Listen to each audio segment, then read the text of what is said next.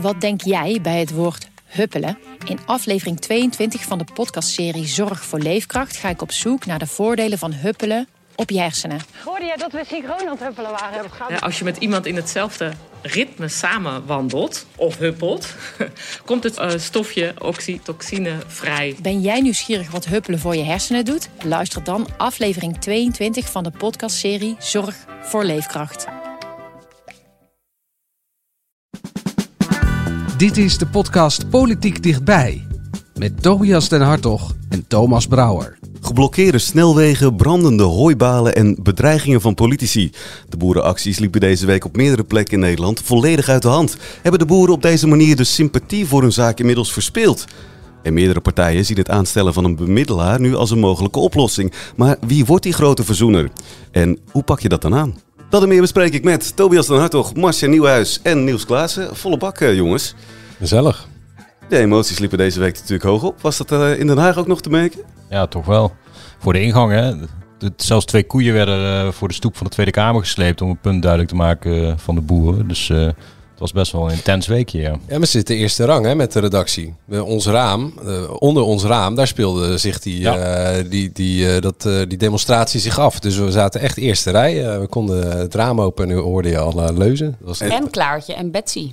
Ja, twee Klaartje koeien. en Betsy, ja. Die volgens de boeren symbool stonden voor de halvering van de veestapel. Daar wilde Van der Wal overigens niet in mee. In dat het een symbool was dan? In dat je zomaar die twee koeien kon zien als de halvering van de veestapel. Zij zegt ja, we gaan nu met de provincie in gesprek. En mm -hmm. uh, uiteindelijk moet dan blijken waar uh, wat minder kan. Maar je kunt niet zomaar zeggen dat of Klaartje of Betsy naar de slagbank gaat. Ah, okay. Uiteindelijk gingen ze s'avonds waarschijnlijk allebei naar de slagbank. Hè? Ik bedoel, Uiteindelijk gaan ze sowieso een keer naar de slagbank. Ja, hoeveel dieren worden afgemaakt per dag? 1,7 miljoen di uh, dieren per dag?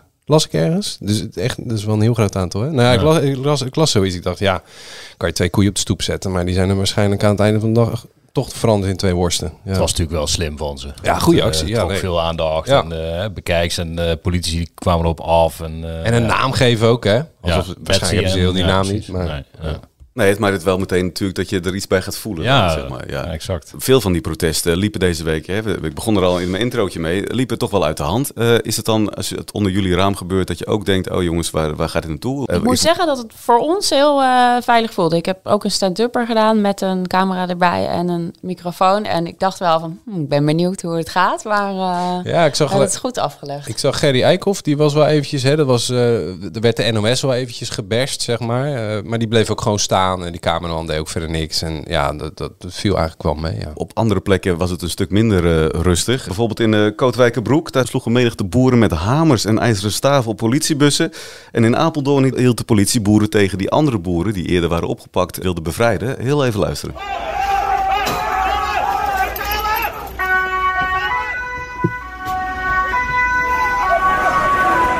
Attentie, attentie. Hier spreekt de politie. De burgemeester van Heeft een samenscholingsverbod afgekondigd voor de gemeente Apeldoorn. Dat is waar u nu staat. Ik vorder van u dat u de kruising verlaat tot onder of voorbij het viaduct. En ik wil graag zien dat u nu gaat bewegen. Ja, Marcia, je hebt die beelden natuurlijk ook gezien. Hoe, hoe kijk je daar dan naar? Nou, ik vond het wel echt heftig om te zien. Met name toen s s'avonds bij, op een gegeven moment bij het huis van Christiane van der Wal... eh, er zo de aandacht tegen een auto werd eh, aangeduwd en er door de afzetting heen... Ja, want het was een blokkade werd- van de politie daar om, om dat huis af te schermen eigenlijk van die boeren. Daar gingen de boeren dwars doorheen. Hè?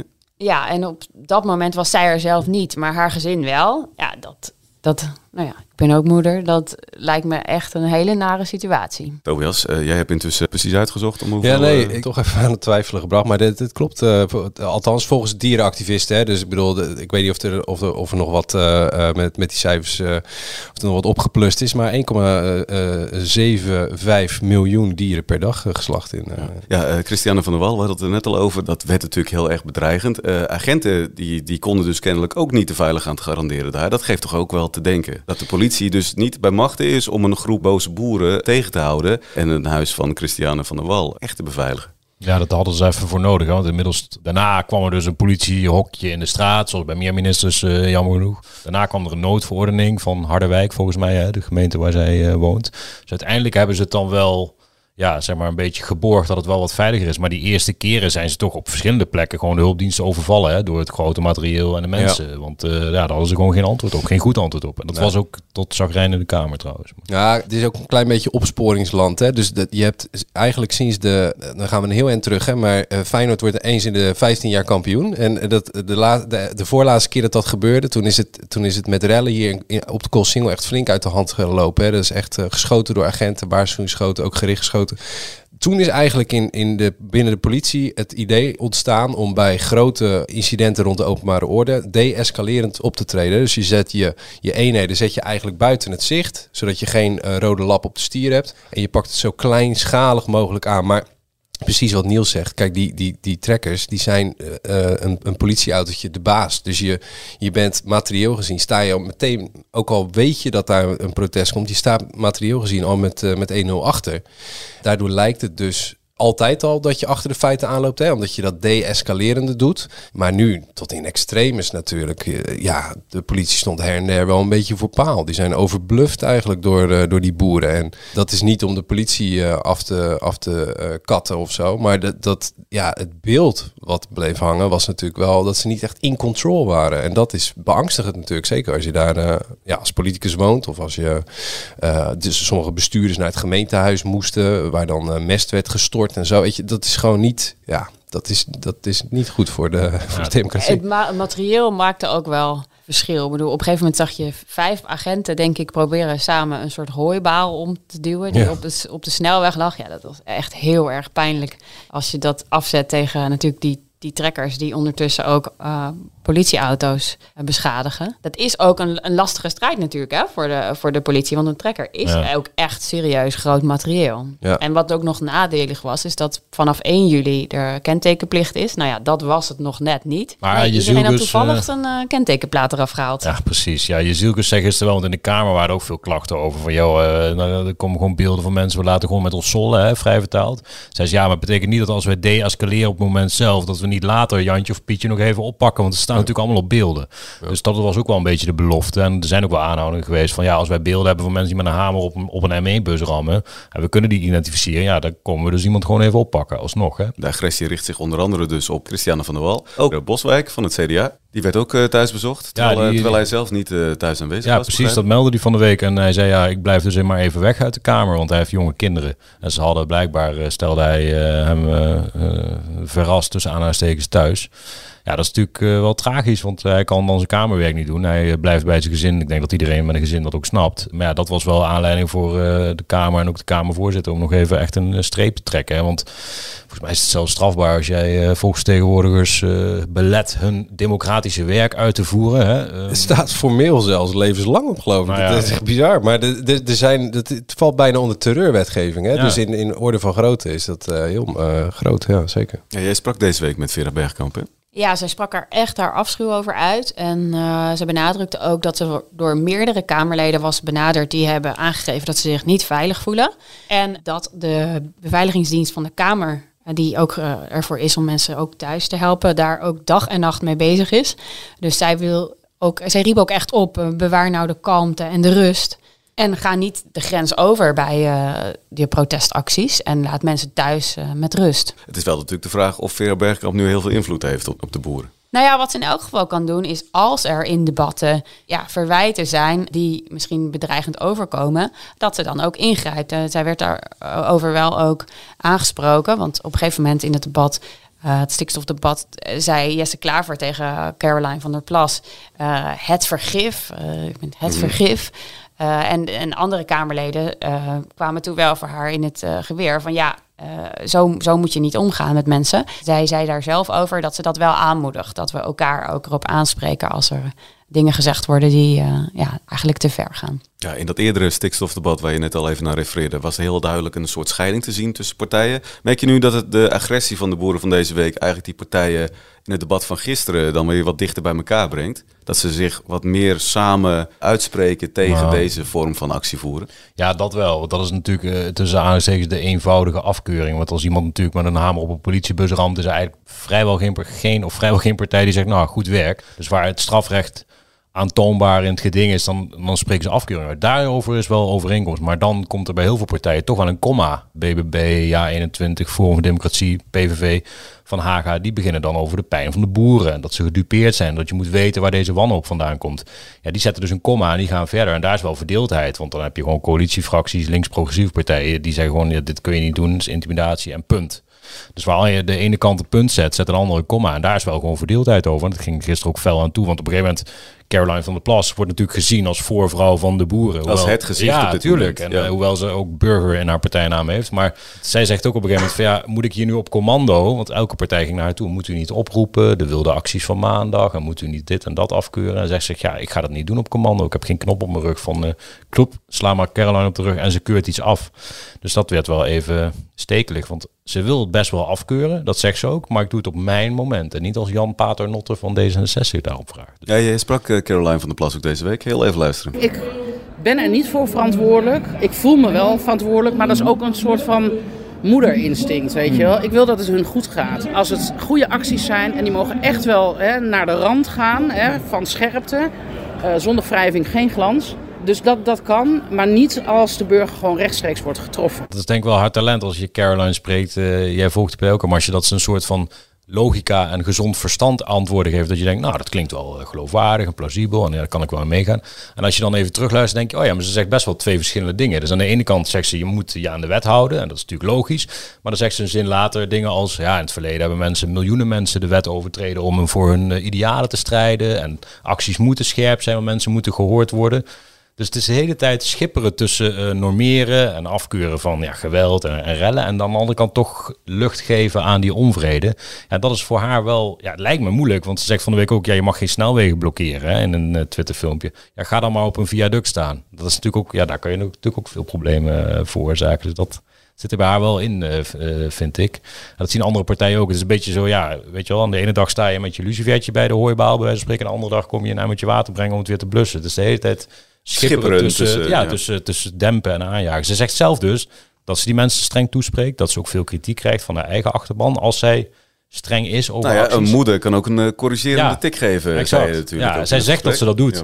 Maar achter de schermen en zeker niet als D66 daarom vraagt. Uh. Hoe groot is überhaupt die invloed van Caroline van der Plas? Is het nou zo dat als ze zegt, jongens, stop met deze acties, dat dan alle boeren zeggen, uh, oké, okay, als, als jij het zegt Caroline, dan uh, houden we ons in? Ik denk dat het heel uh, vluchtig is, heel volatiel is. Want enerzijds is er natuurlijk wel het eerste aanspreekpunt en het gezicht van die beweging. Maar aan de andere kant, niemand heeft zich aan haar gebonden. En, en vice versa natuurlijk ook niet. Zij kan uh, F, uh, de Farmers Defence Force bijvoorbeeld ook gewoon laten vallen. En andersom net zo. Dus ik, ik, ik, voor haar is precies dat schipperen wat Niels zegt. Dat is eigenlijk de enige remedie om zeg maar, bij zowel de wat uh, gehardere boer als de hele coulante boer uh, ja, in het, uh, in het pulletje te blijven vallen.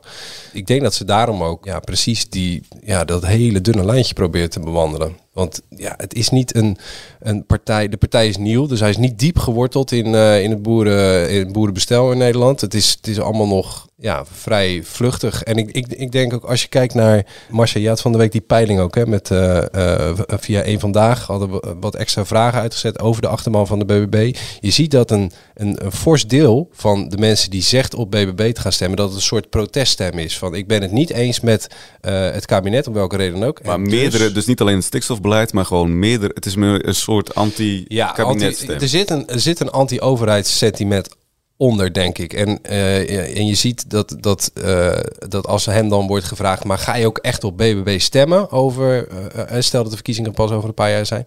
dan, is dat, dan slinkt dat aandeel ineens. Dus ze heeft potentieel... raakt ze nu echt een open zenuw in de, in de samenleving... van oké, okay, alles wat anti-overheidssentiment is... boeren...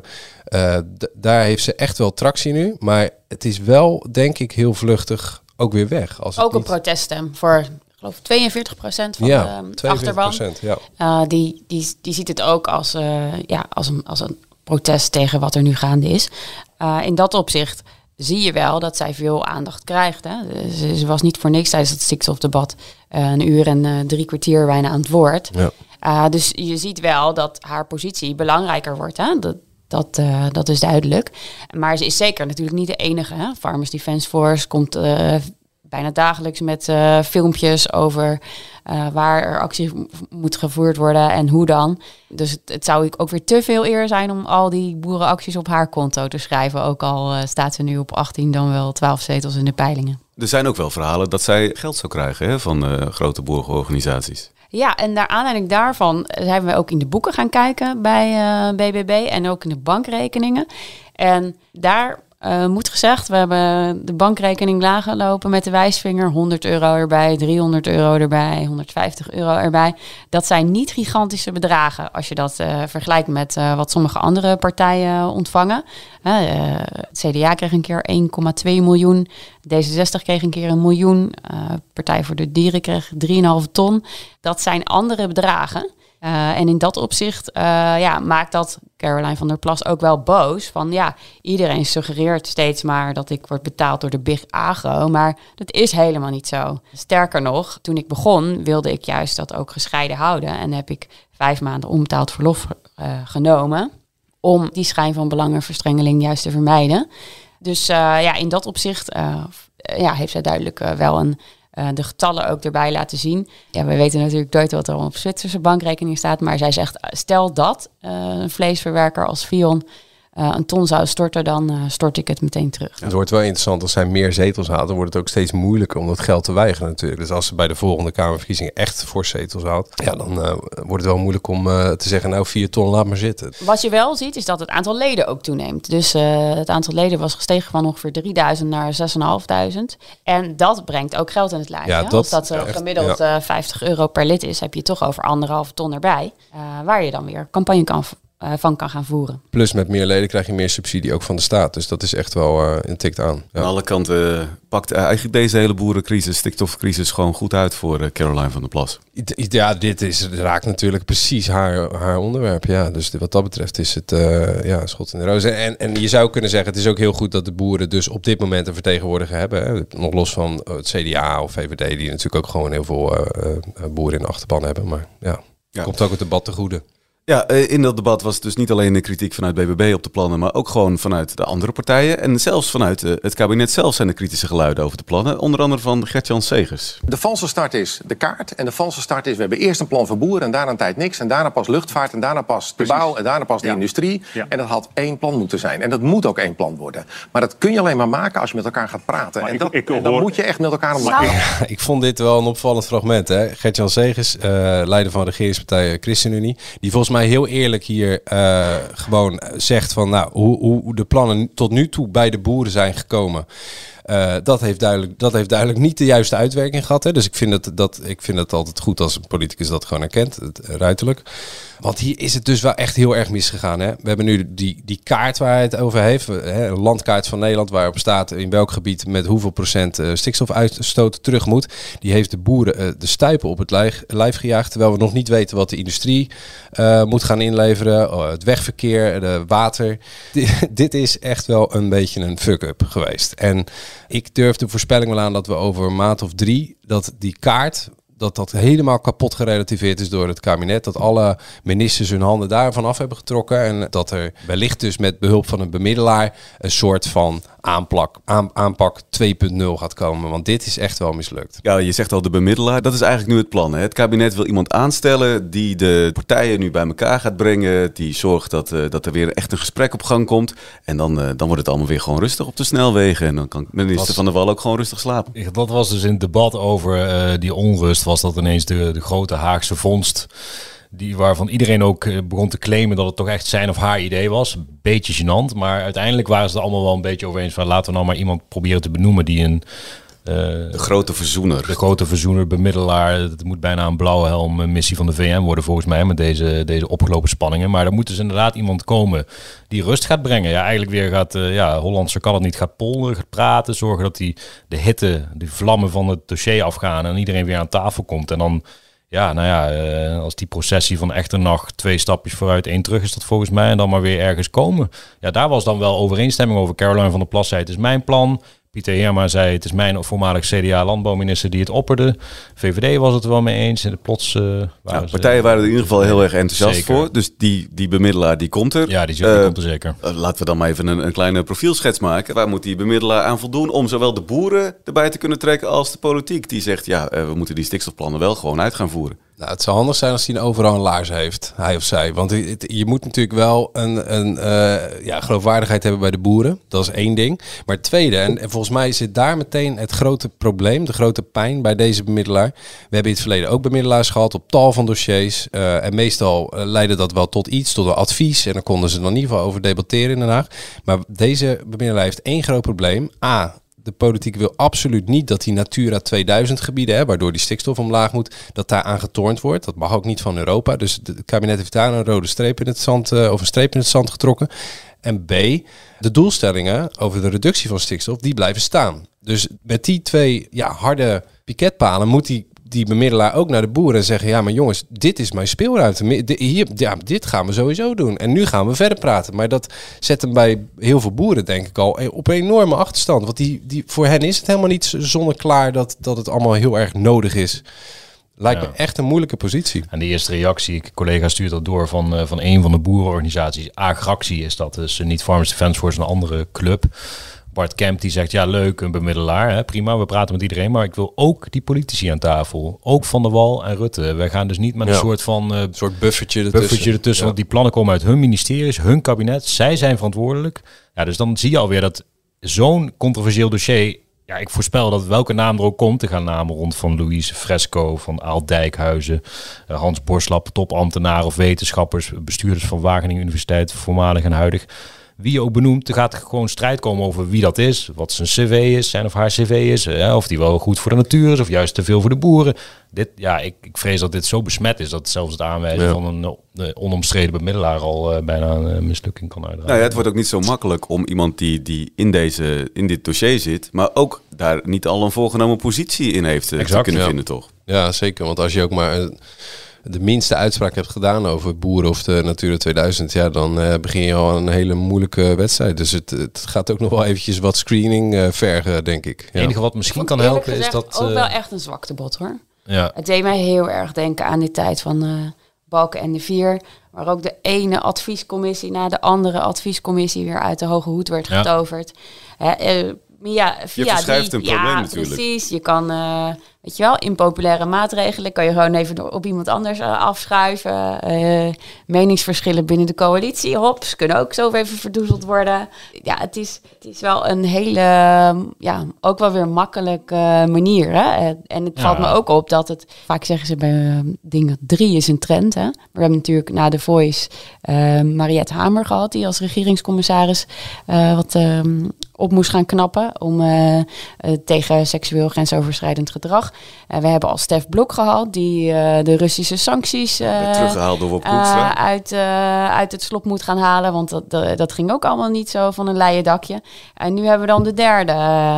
ja, in, in het coalitieakkoord stond ook al iemand die, ik meen, verslavingen, Ja. eh, verslavingencommissaris. Eh nou, we hebben eigenlijk al vier. ja, en hoeveel eh, bewindspersonen hebben we eigenlijk in dit kabinet? Best wel wat, toch? Ja, die passen allemaal niet in een touringbus. Ja, nee. Maar werkt het ook dan? Hebben die, bedoel, je noemt er al nu al, al vier op, zeg maar. Heeft het nou, hebben die al resultaten geboekt waarvan je kan zeggen, ja, dit is inderdaad een manier waarop je dit soort problemen, eh, los van dat het een, misschien een makkelijke manier is, maar waardoor je dit soort problemen aan kan pakken, waardoor je het weg kan masseren. Het ligt heel erg aan het doel, denk ik. Want bij, bij Blok was het... Stef Blok was een, gewoon een blusdeken.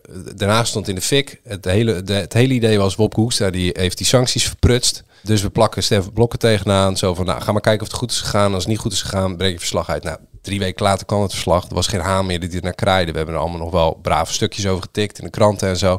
Dat er echt wel het een en ander sneller had gekund. Maar dat de regels het ook wel moeilijk maakten, bladibla. Het was gewoon een blusdeken. En het, probleem is natuurlijk wel, en dat is wat Marcia ook zegt, in het verleden zijn ook commissies geweest die echt een doel hadden, die echt iets moesten bereiken, waar echt een knoop moest worden doorgehakt.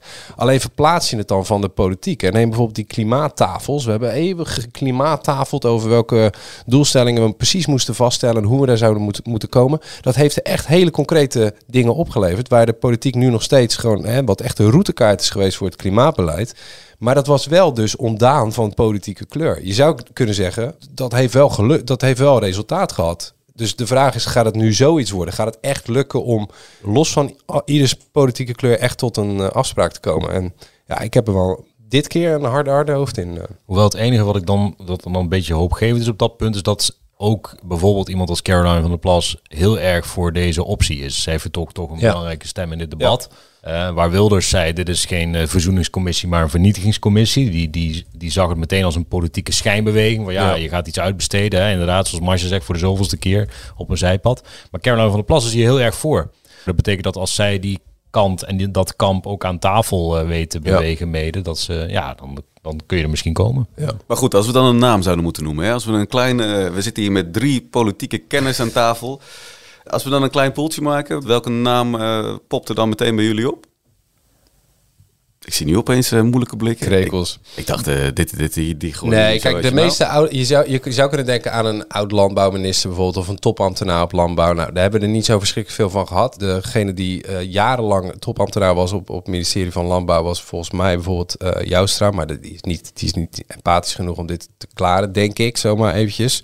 Dan heb je een hele serie landbouwministers die ofwel overleden zijn of heel oud zijn. En de vorige landbouwminister zit in het huidige kabinet, dus dat valt ook af. Ik denk dat je inderdaad, wat Niels net noemde, meer moet gaan kijken in, dat, in, in, die, ja, in de belangenclubwereld, zeg maar. Ja, maar wetenschap. Ja, het lijkt mij ingewikkeld. Maar bijvoorbeeld Kees Veerman, oud-CDA-minister, die dan met dit plan kwam. Ja, die kan het, bij het CDA denken ze dan, ja, die zou het kunnen doen. Maar dan Ja. zeggen anderen weer, ja, dan heb je de CDA die Precies. jarenlang... En dus, Ja. dus, hè, dus je wil ook een soort apolitieke status blijkbaar. Dat je anders wel de, met, met Hij krijgt ook het verwijt dat hij zelf heeft bijgedragen Ja. aan Ja. het probleem wat er nu is. Hè? dus in hoeverre kan hij eh, als onafhankelijk eh En een, opereren? een, een duo-baan, dat je zeg maar eentje hebt die waar de boeren misschien wat mee vervoelen en eentje waar de, waar de politiek misschien iets meer aan hangt. Ja, ja, Ah, geen slecht idee. ja. Maar ja, komen die er dan weer samen uit? Stel dat die dan mooie krijgen samen, dan ben je nog verder van huis. Het, ja. wordt een, eh, het wordt een hele lastige puzzel. Ja, die grootschalige acties eh, van de boeren, die veroorzaken al heel veel maatschappelijke onrust. Eh, de, de sympathie die gaat een beetje weg. Dat zit hem ook in veel kleinere acties. Er was er een, een boer in de Krimpende Waard die uit protest honderden knotwilgen omzaagde. Was de buurt niet echt van gediend, Niels? Nou ja, het was een bijzonder nieuwsbericht van onze collega's eh, ook daar op, op, via op onze site terechtgekomen over een boze boer die notabene zelf ook de krant belt dat hij uit een protestactie eh 100, ongeveer 100 van zijn eigen knotwilgen heeft eh, gehalveerd. Echt omgezaagd, bruut eh, het kapmes erin gezet. Die verwachten misschien wel bijval. Ja, die dacht, ik laat zo zien dat de kaalslag die mij treft als boer ook eh, de natuur kan treffen. Nou ja, ik denk niet dat hij heel veel overleg heeft gepleegd met, met adviseurs vooral. Want het viel natuurlijk totaal verkeerd. Want mensen zeggen, ja, je sloopt gewoon natuur. Eh, soms al zegt hij zelf ook generatie oude bomen, ja, die, eh, die het leven nu eh, kunnen vergeten. En de SGP zat daar enorm in zijn maag natuurlijk. Hij was ook raadslid voor de staatkundig gereformeerde partij in de Krimpende Waard namelijk. Hij heeft niks illegaals gedaan. Het zijn zijn eigen bomen, zijn eigen terrein, geen, geen kapvergunningplicht. Dus eh, niks illegaals gedaan. Ik eh, kunt ook niet oud die bomen zijn. Op een gegeven moment is een boom natuurlijk ook aan het eind van zijn leven, leeftijd. Hè? Nou ja, als signaal is het helaas mislukt. Het is niet overgekomen. Kijk, en boeren hebben nu een, eh, een heel breed sympathie in de, in de samenleving. Ja, ook bij de, je actieplannen moet je je wel realiseren van... als, er, als, je het niet, als, je het- als je dat lomp gaat doen, onzorgvuldig, dan verspil je ook zomaar die sympathie. Dit is toch te erg voor woorden. Dit is echt, die man heeft dus honderd eh, eh, knotwilgen doodgemaakt. Hè, want hij heeft ze afgezaagd onder de knot. Dus dan die, die, die, die, die bomen rennen het dan gewoon niet meer. Hè, dat is gewoon klaar. En dan krijg je dit verhaal van Roelof Bisschop. Ja, met, dit is dus het Ja. SGP-Kamerlid dat namens de landelijke partij eigenlijk moet reageren Ja. op die actie. Hè, En dan zegt hij, ja, maar bomen komen ook eh, op een gegeven moment aan het einde van hun leven. Het, het is Ja, toch, dat is toch tenenkrommend. Hij was Niks. in duizend bochten aan het wringen. Want ik stelde een paar vragen. Zo. En je zag gewoon die woord, je zag gewoon zeg maar de schizofrenie in zijn hoofd. Van oké, ik moet, dit is een partijgenoot en een boer. Die moet ik te vriend houden. Oh jee, er zijn honderd bomen dood. Hoe kan ik dit nou op een bepaalde manier? En dat zag je gewoon gebeuren terwijl hij zijn antwoorden gaf. En ook die boer zelf Ja, bijvoorbeeld, die, die redeneerde ook op een bijzondere manier. Die, die wordt op een gegeven moment gevraagd van, joh, waarom doe je dit nou? Want die natuur die is kapot en, en, en het valt helemaal verkeerd. En dan zegt hij, ja, ik ben normaal juist iemand die zich, dit is een quote, erg voor de natuur inzet. Bijvoorbeeld voor de weidevogels. Nou, we doen alles wat de samenleving vraagt. Nou, en dan die knot wil, mag het een keer?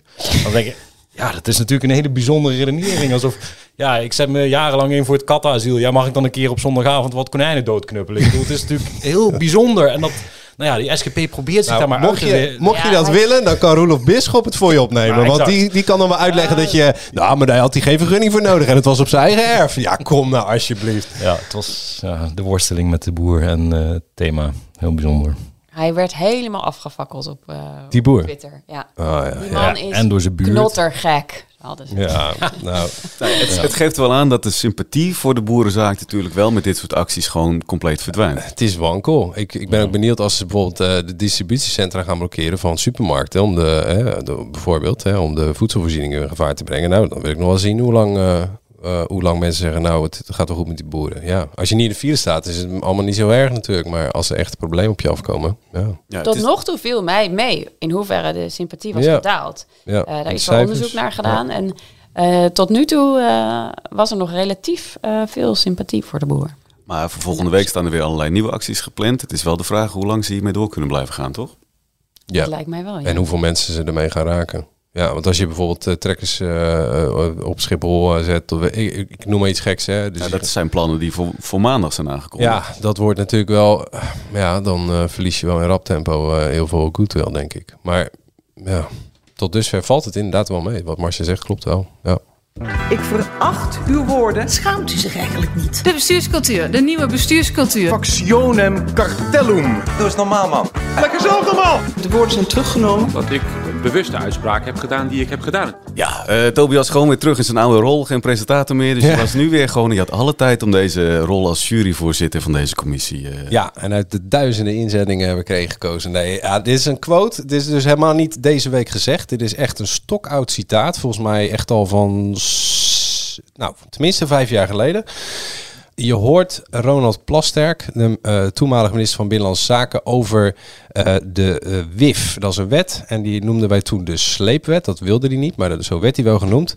Nou, gaan we even luisteren. Wat er in Amerika in, eh, kort aan 9-11 wel gebeurde, dat, dat noem ik sleepnet. Dat is dat er gewoon massaal alle e-mails, alle telefoonverkeer werd opgeslagen. Dat mag volgens deze wet niet. Dat mag volgens deze wet niet. Dit was in 2017, 16, nou, om en nabij. Want in 2017 kregen we een nieuwe wet voor de inlichtingendienst, voor de IVD en de MIVD. En die wet schreef voor wat die eh, geheime diensten eh, mochten verzamelen aan informatie van Nederlanders online.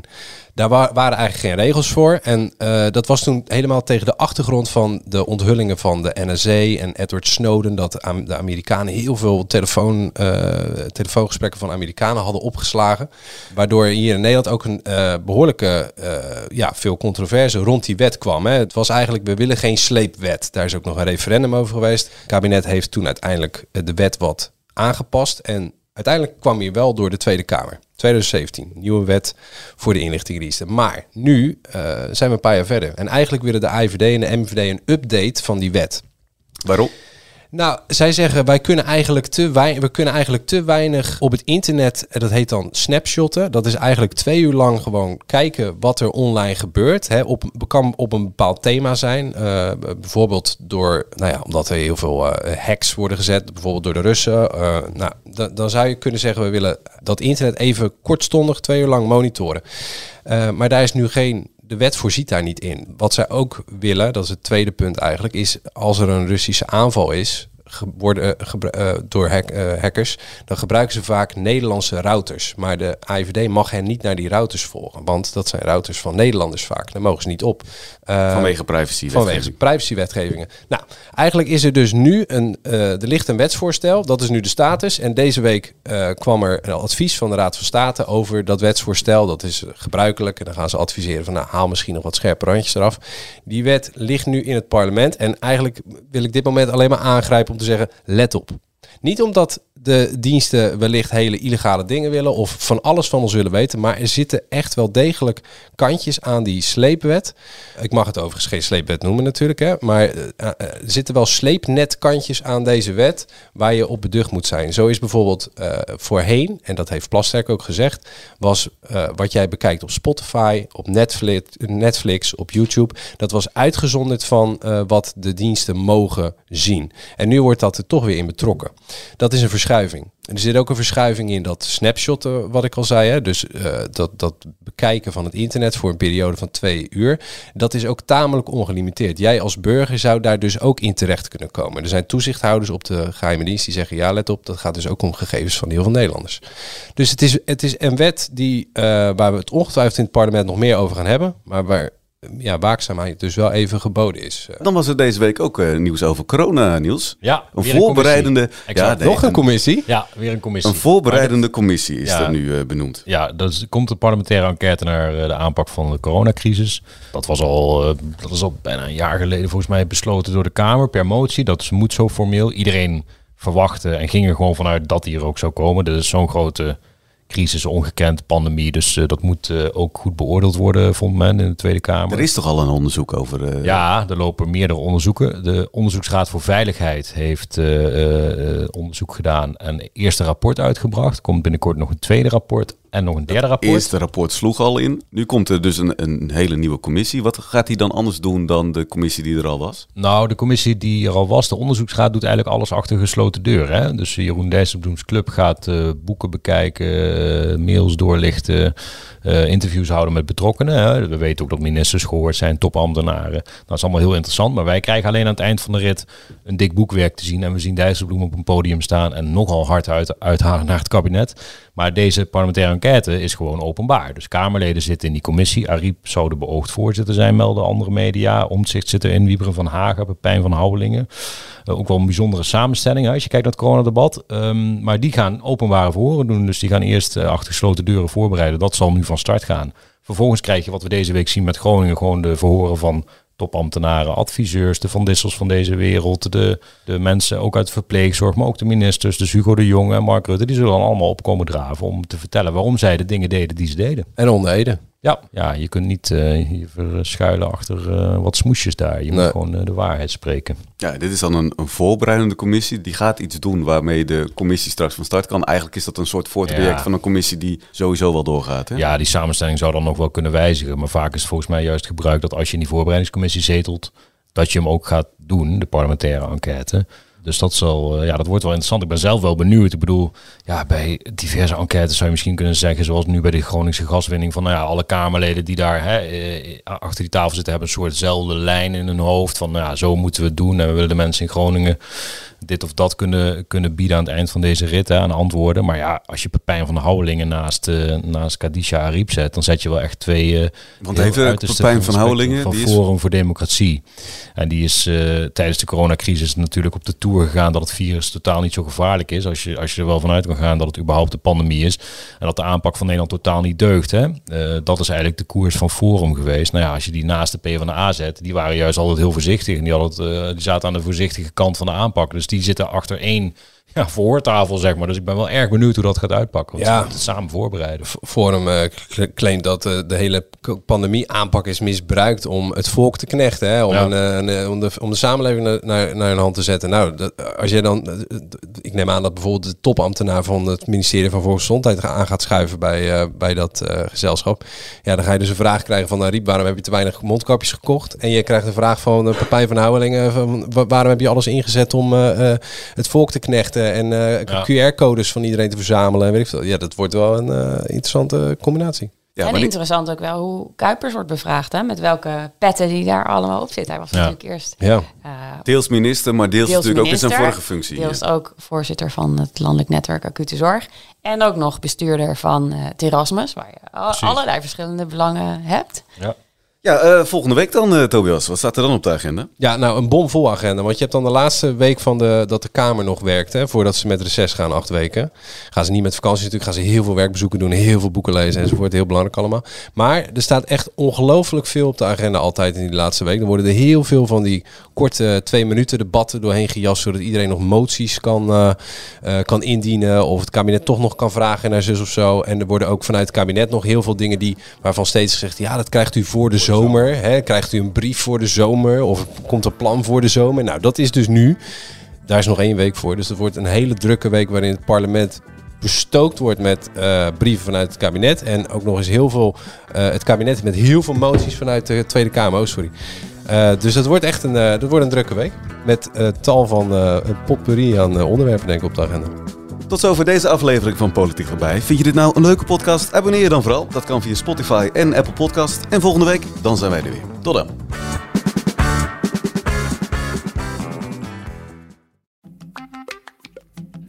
Wat denk jij bij het woord huppelen? In aflevering 22 van de podcastserie Zorg voor Leefkracht ga ik op zoek naar de voordelen van huppelen op je hersenen. Hoorde jij dat we synchroon aan het huppelen waren? Ja, als je met iemand in hetzelfde ritme samen wandelt of huppelt, komt het uh, stofje oxytocine vrij. Ben jij nieuwsgierig wat huppelen voor je hersenen doet? Luister dan aflevering 22 van de podcastserie Zorg voor Leefkracht.